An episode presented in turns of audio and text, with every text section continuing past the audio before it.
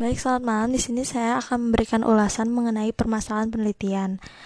Permasalahan penelitian merupakan upaya untuk menetapkan batas-batas yang jelas mengenai fokus perhatian yang akan diteliti yang memungkinkan mengidentifikasi hal mana yang termasuk ruang lingkup penelitian.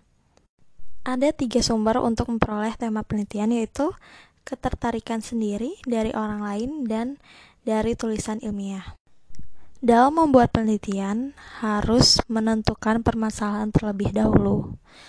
Parameter permasalahan penelitian yaitu yang pertama menarik, bermanfaat, hal baru, dapat diuji, dapat dilaksanakan, penting, dan tidak melanggar etika. Terima kasih.